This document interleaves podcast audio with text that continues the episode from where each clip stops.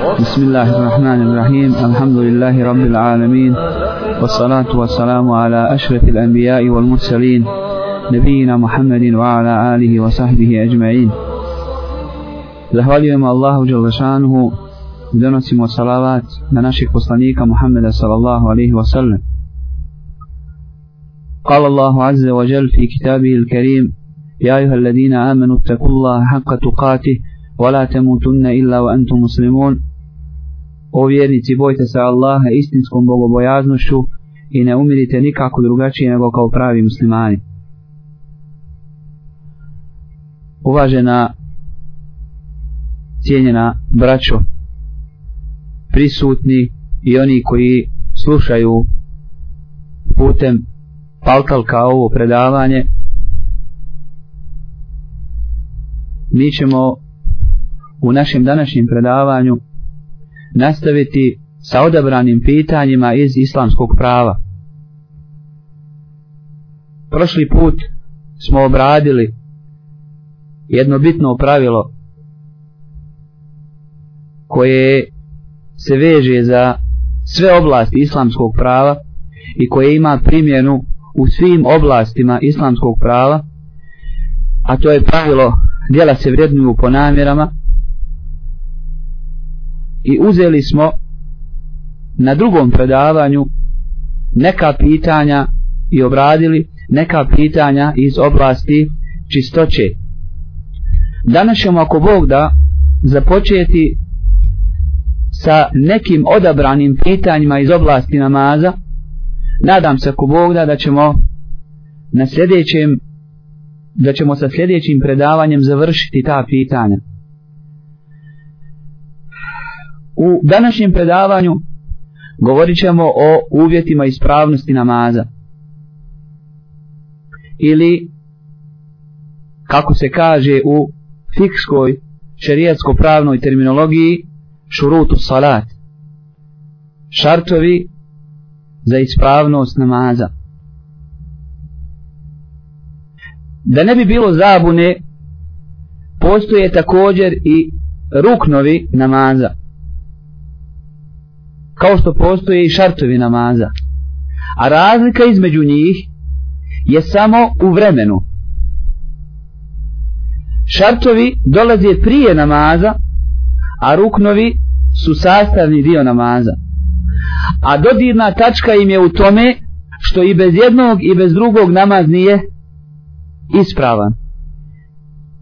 Ako nisu zadovoljeni šartovi koji prethode namazu, A isto tako, ako ne postoje ruknovi ili sastavni dijelovi namaza, namaz i bez jednog i bez drugog nije validan, nije puno važan.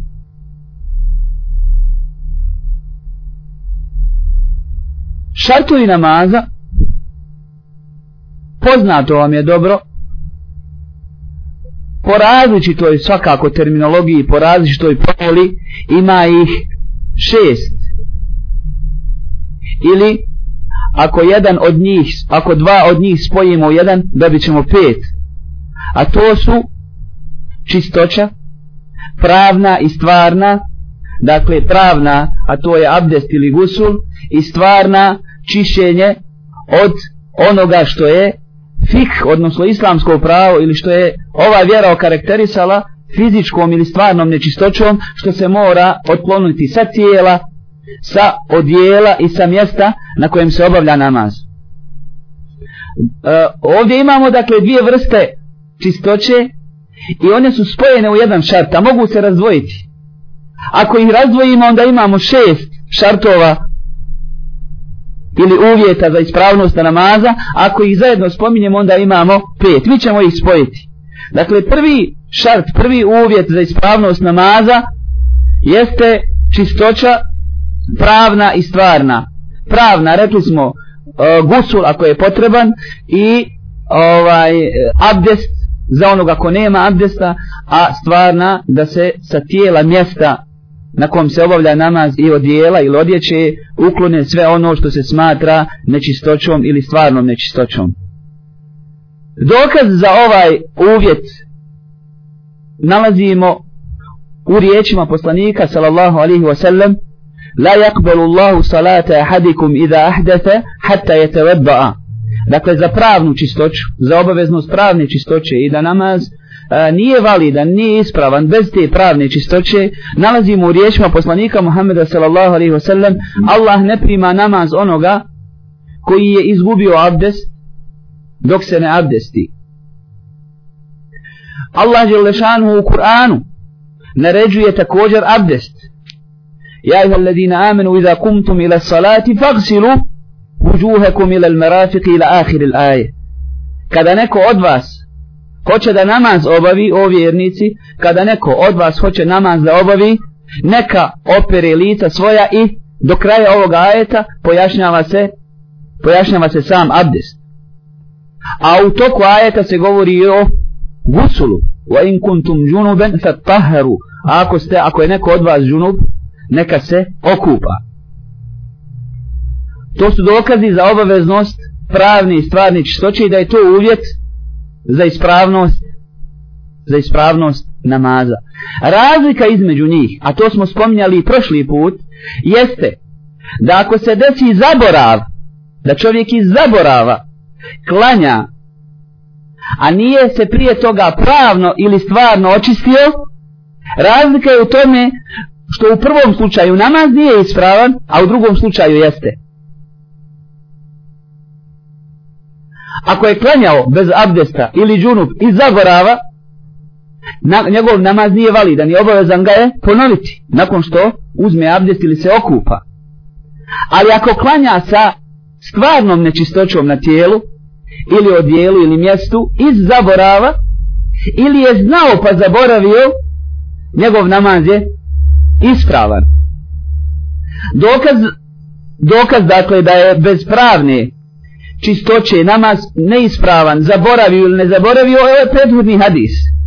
Allah ne prima namaz onoga koji izgubi abdest ili koji, e, koji zapadne u stanje pravne nečistoće sve dok se ne abdesti. Dok za ovaj drugi dio u stvari za postojanje e, stvarne nečistoće na tijelu ili mjestu ili, ili na, na odjeći iz zaborava je hadis Džibrila koji je obavijestio poslanika Muhammeda sallallahu alaihi wasallam da se na njegovoj odjeći nalazi nečistoća. U toku namaza poslanik Muhammed sallallahu alaihi wasallam je kao što vam je poznato skinuo obuću i nastavio sa namazom nije ga obnovio. Iz čega je uzeto pravilo da onaj koji sa, klanja sa stvarnom nečistoćom iz zaborava ili neznanja ili zna za nju pa je zaboravi tek poslije tek, tek poslije uvidi bilo u toku namaza ili poslije namaza ako je u toku namaza onaj dio prethodno obavljen nije ispravan a ako je poslije namaza kompletan namaz je ispravan. To je razlika između između ova dva slučaja a razlika je napravljena na osnovu na osnovu hadisa koji su došli po tom pitanju. Ako na tijelo na odjeću ili mjesto a, dođe neznatna količina nečistoće ona se toleriše bilo da je to mokraća, bilo da je krv, bilo koja druga vrsta stvarne nečistoće koja dospije na jedno od ovo troje, nešto što se ne može izbjeći. dakle količina koja se ne može izbjeći, koja, koju čovjek ne može pratiti. Zašto? Zato što je vjera islam vjera olakšavanja, a ne otežavanja. I kada bi ljudi bili zaduženi da, da prate i najmanju količinu nečistoće i da se od nje čiste, onda bi to bilo otežanje, a otežanje koje ljudi ne bi mogli izdržati i prihvatiti, a islam je došao da otklone onu tegovu i teškoću koju ljudi ne mogu, ne mogu izdržati i podnijeti. Jer imaju dvije vrste tegobe ili teškoće. U osnovi svako djelo, svaki ibadet koji je propisan u sebi ima jedan vid poteškoće. Namaz se ne može obaviti bez poteškoće. Zim je hladna voda, izjutra treba ustati čovjeku se spava, zeka treba dati od duše koja voli i metak, post treba se odreći nekih užitaka ili ovaj nečega što je mimo posta dozvoljeno, sve to ukazuje da ti ibadeti u sebi u osnovi imaju jedan vid teškoće koji se mora podnijeti. Zašto? Da bi se dobila Allahova Jelšanu nagrade zaslužio njegov oprost. Ali kada ta teškoća pređe neki uobičajeni vid, pređe iz, iz, iz domena, pređe domen i, ovaj, kojeg čovjek može izdržati, onda dolazi olakšanje. Onda Allah Želešanu u takvoj situaciji prašta ono što se nije moglo iznijeti u toj teškoći i tegobi. Drugi uvjet za ispravnost namaza je vrijeme. Allah Želešanu kaže inna salata kanata lal mu'minina kitaban maukuta.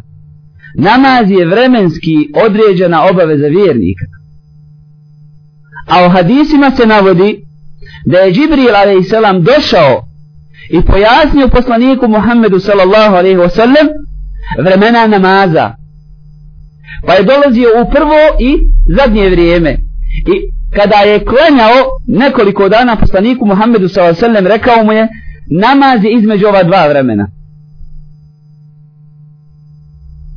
Čime je odredio početak i kraj namaskog vremena. I u drugim hadisima, mimo ovog hadisa, hadisima koji se bilježe u navjerodostojnim zbirkama, poslanik Muhammed s.a.v. određuje početno i završno vrijeme svakom od namaza i podnje i kindiji i akšamu, jaci i sabah namazu. Što se tiče sabahskog vremena, ono počinje sa pojavom prave zore, pošto ima lažna i prava zora, sa pojavom prave zore i traje sve do izlaska sunca. Podnije namaz počinje sa prelaskom sunca polovine neba, ili nakon što pređe zenit i počne se naginjati ka ka zapadu i traje sve dok čovjekova sjena bude koliko? E, odlično. Dakle, duplo veća od predmeta ili objekta. Od, od tog vremena počinje i Kindija i traje sve do zalaska sunca. Akšam od zalaska sunca pa do nestanka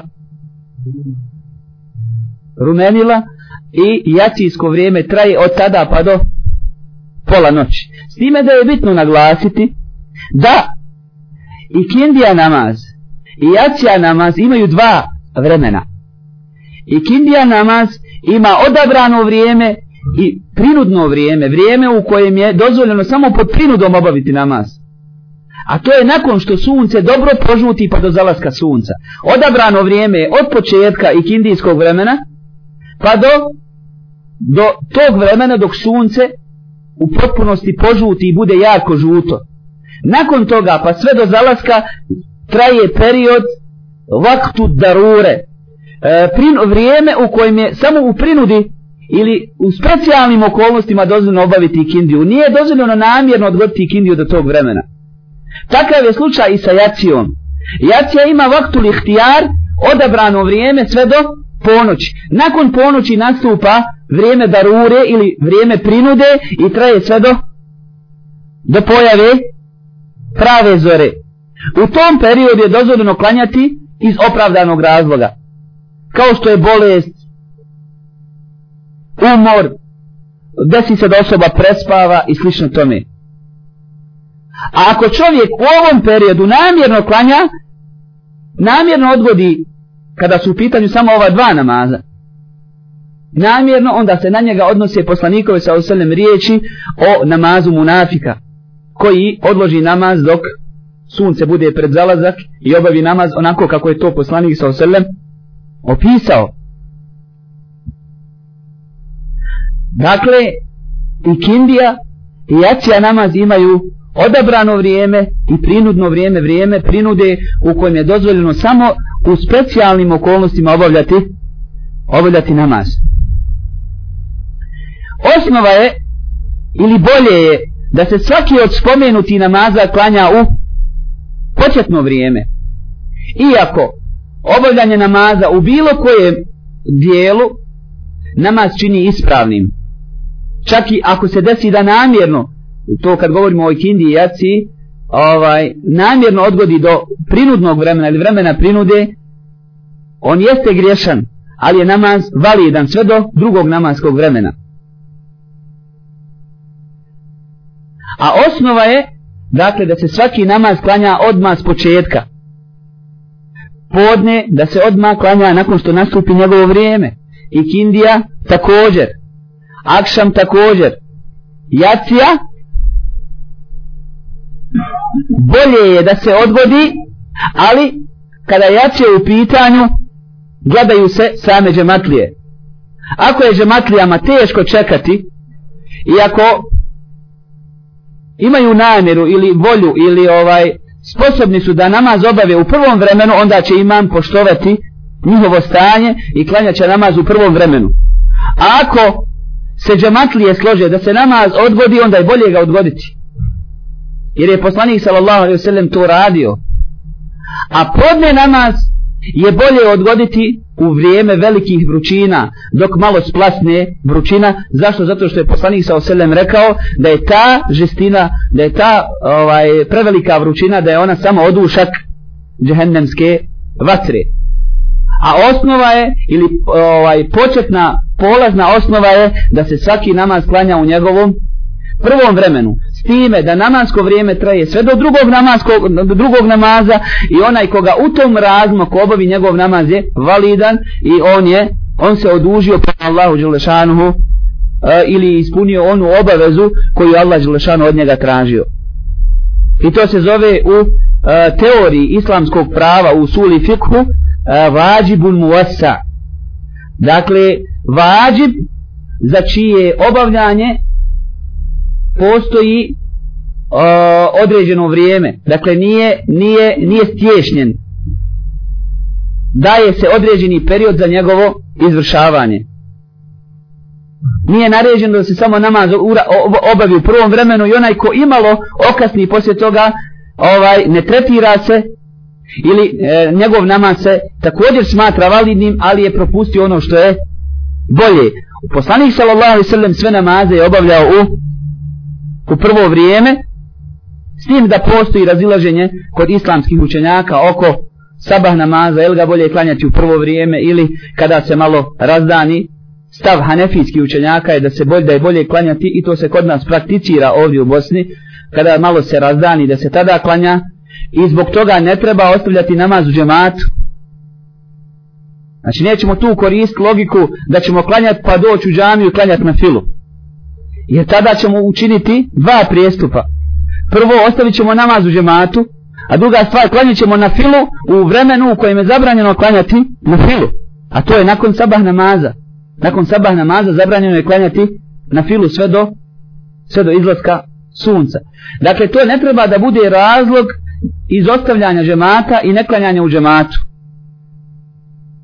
A ako čovjek uradi ovaj jedan prijestup pa klanja kod kuće, neće ići klanjati u džematu, jer će tada upasti ovu drugu zabranu, to je klanjanje, klanjanje na file nakon, nakon, nakon sabahskog farza, što je po, po ovaj, riječima Allahog poslanika sa oselem strogo zabranjeno. Ako se desi, također u osnovi, zabranjeno je odgoditi namaz van njegovog vremena.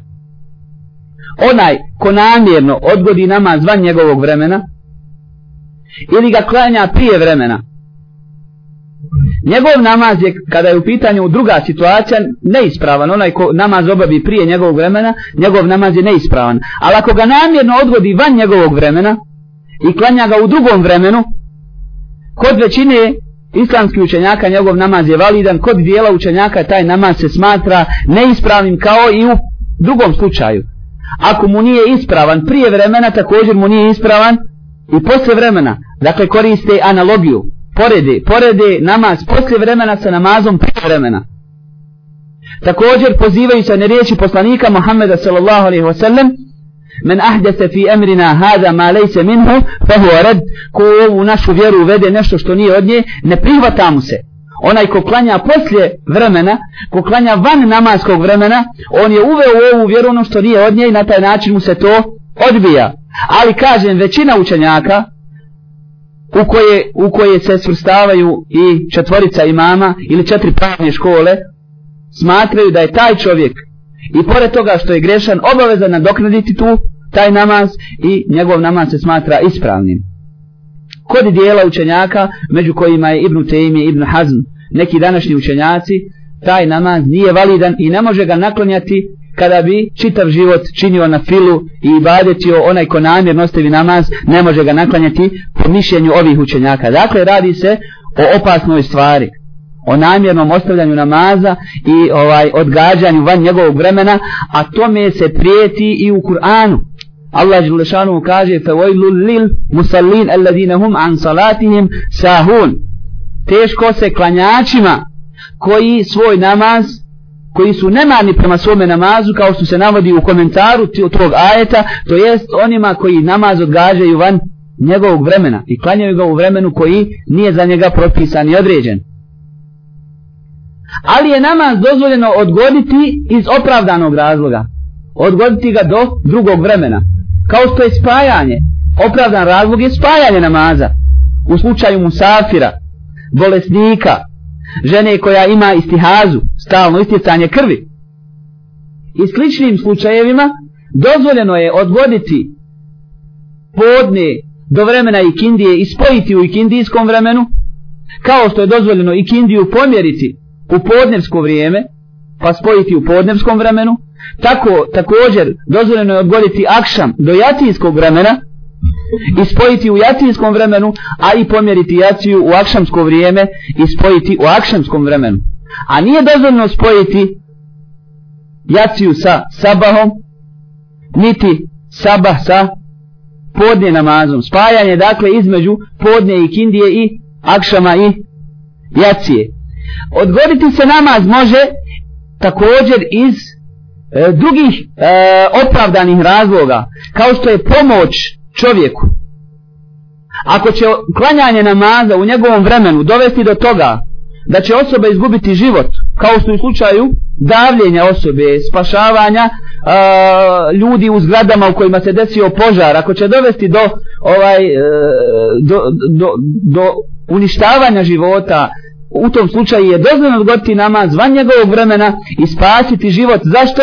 Zato što je što se ovo drugo ne može odgoditi. A namaz je u takvim situacijama zabilježeno je da je odgađan. I da ga je poslanik sallallahu alejhi ve sellem odgodio u jednoj od bitaka kada je bio u borbi i zbog, zbog, ovaj, zbog žestine borbe odgodio je namaz prošlo je vrijeme i tek je u akšamskom vremenu klanjao i kindiju.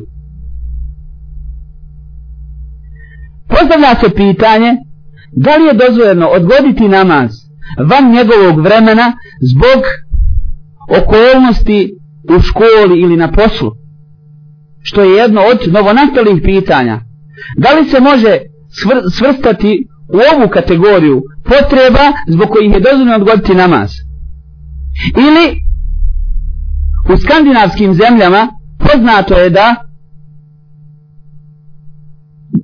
da je između sabaha i jacije jako kratak period. Nekada se zna dogoditi da je samo dva sata razlike. Što je veliko opterećenje za ljude koji moraju ići na posao. Pa su postavili pitanje uglednim i velikim učenjacima da li im je dozvoljeno da nekad spoje namaz. Da klanjaju akšam i jaciju da spoje u akšamskom vremenu da, spaje, da spavaju kako bi se mogli odmoriti. Da ne čekaju jaciju do 11, do pola 12 i da se onda odma ustaju na sabah u 1 ili pola 2.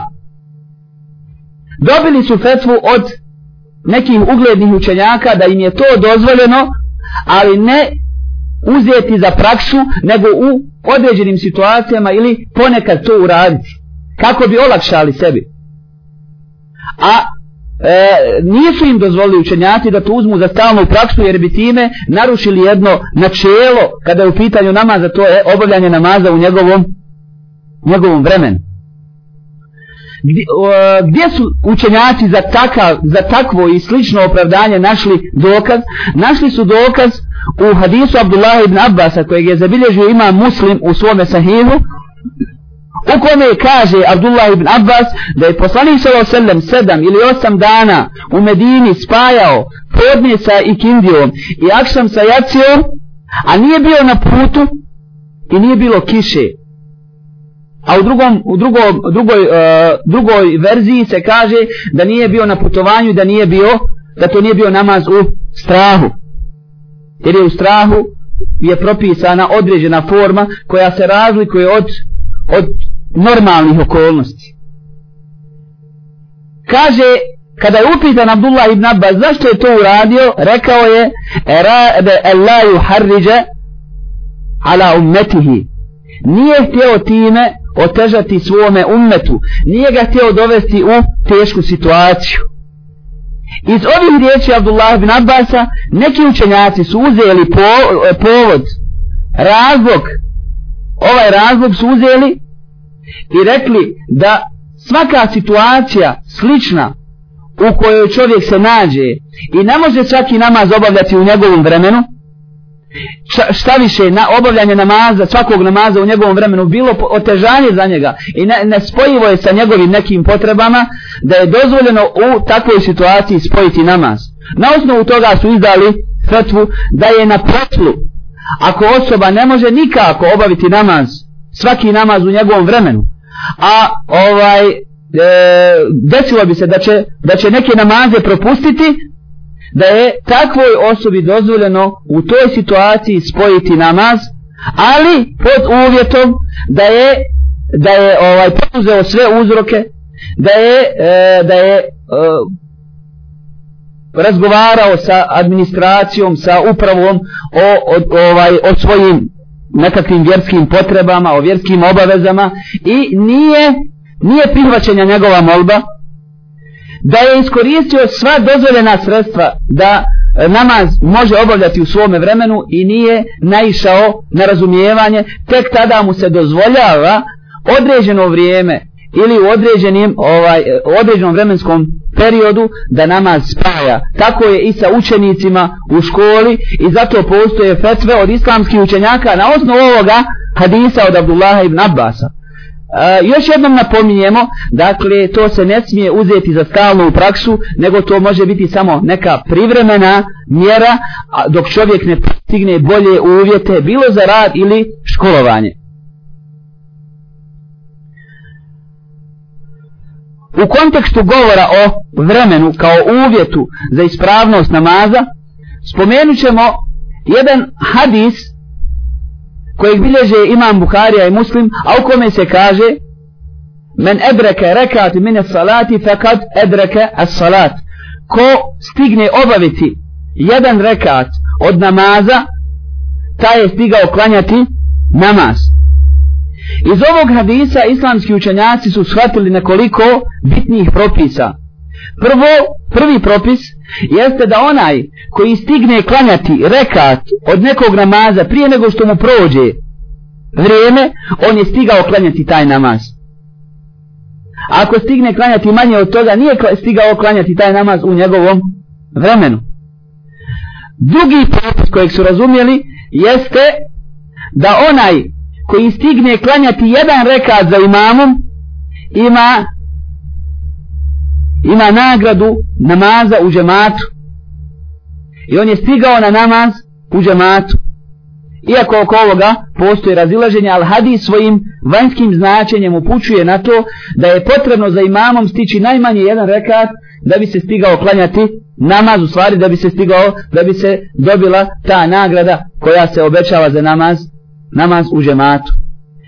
Treći propis koji se razumije jeste da onaj koji se smatra šerijatskim obveznikom punoljetna, pametna osoba kojoj nastupi namansko vrijeme i prođe koliko je jedan rekat a zatim privremeno prestane biti šerijatskim obveznikom ponovo nakon što se vrati stanje prvobitno obavezan je taj namaz a nije obavio namaz obavezan je taj namaz.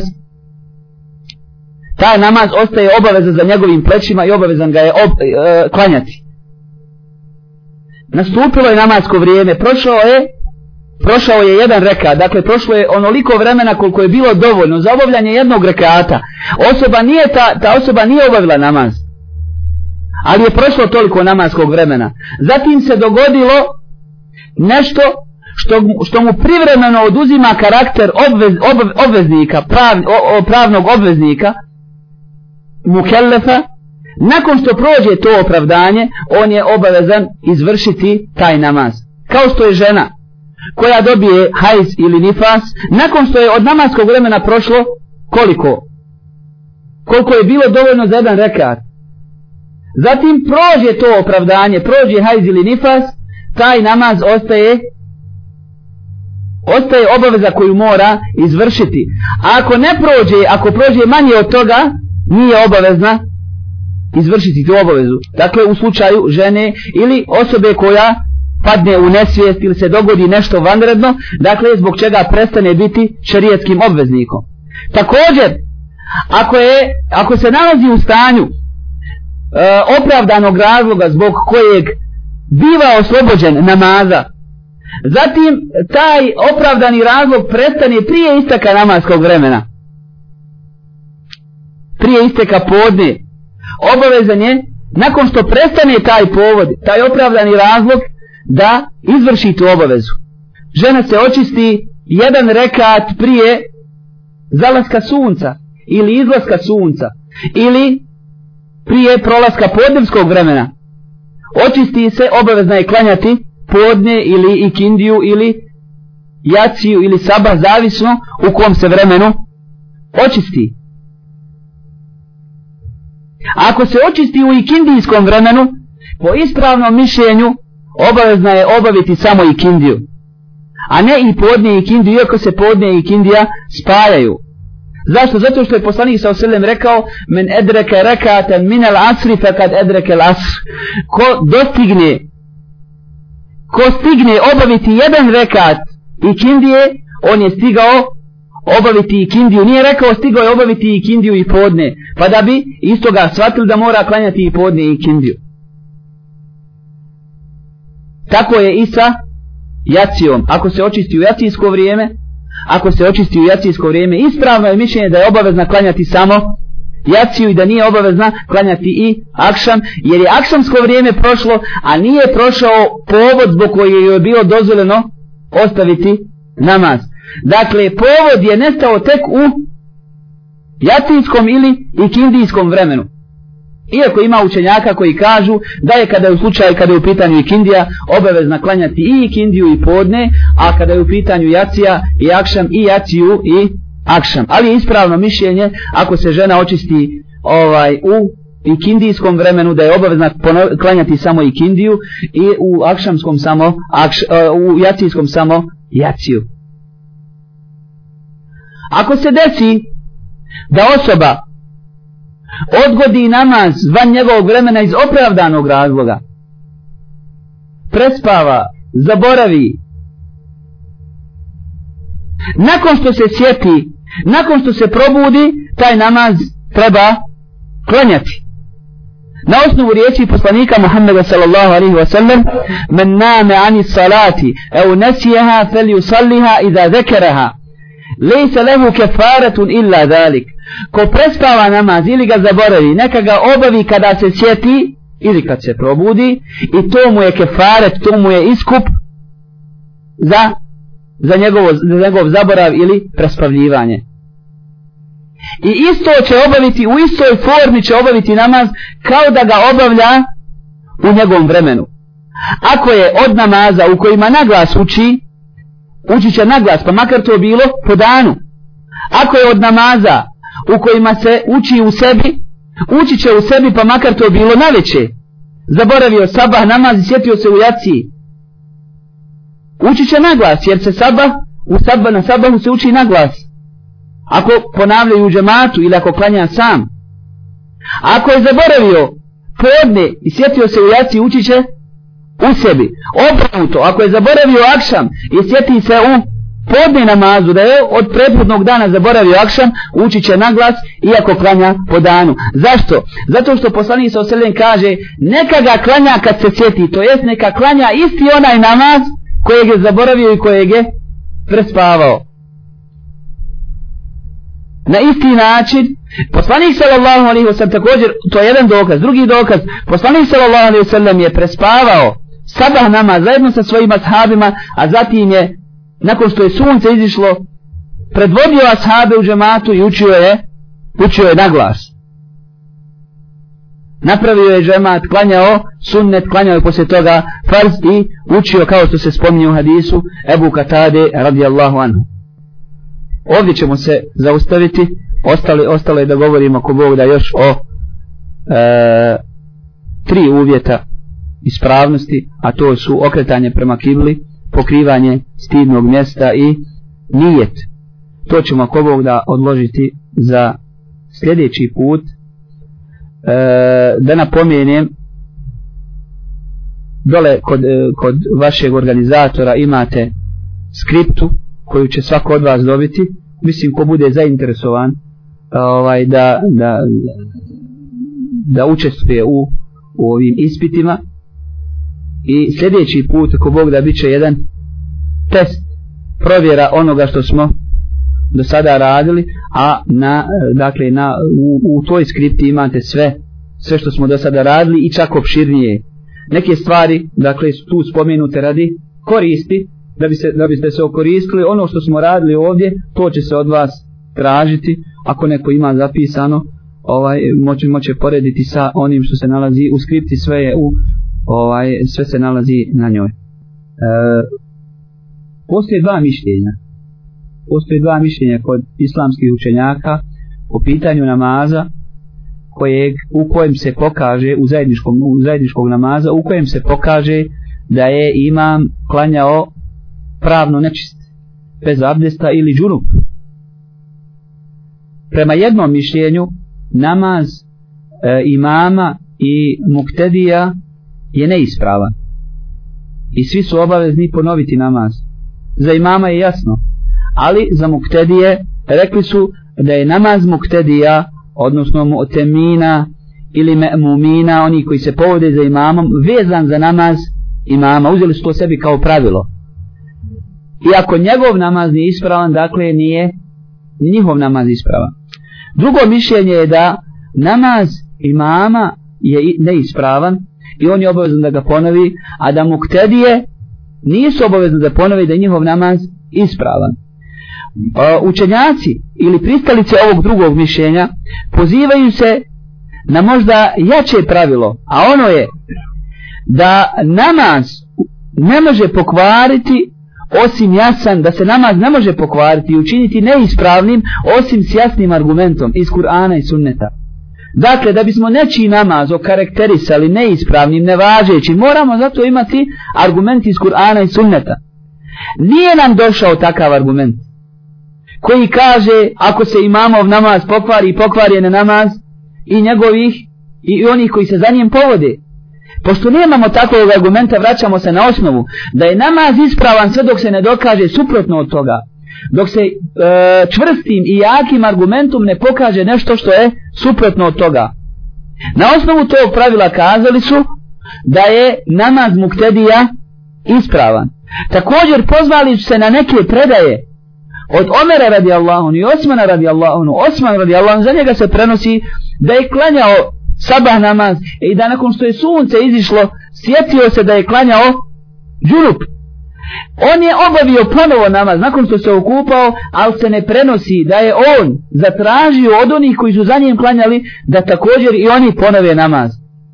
A Osman radi Allah on je pravovjerni halifa čiji se sunnet vrijednuje i postuje poslanik sallallahu alaihi wa sallam kaže alaikum bi sunneti wa sunneti al khulafai rašidin al mahdijina min badi Držite se moga sunneta i sunneta mojih pravovjernih halifa.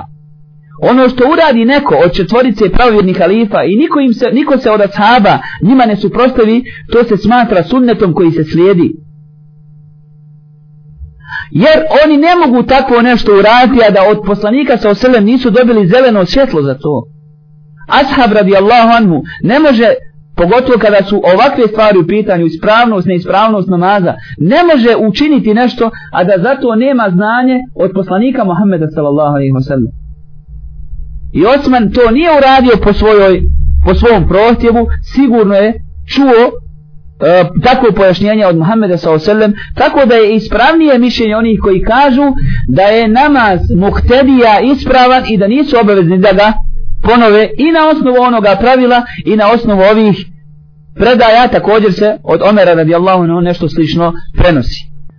Pitanja koja se nam došla putem pautalka, prvo, na farz namazu, na seždi, da li može da se moli i za ovo dunjaluške potrebe ili samo ono što nam je poznato, subhane rabbi ala.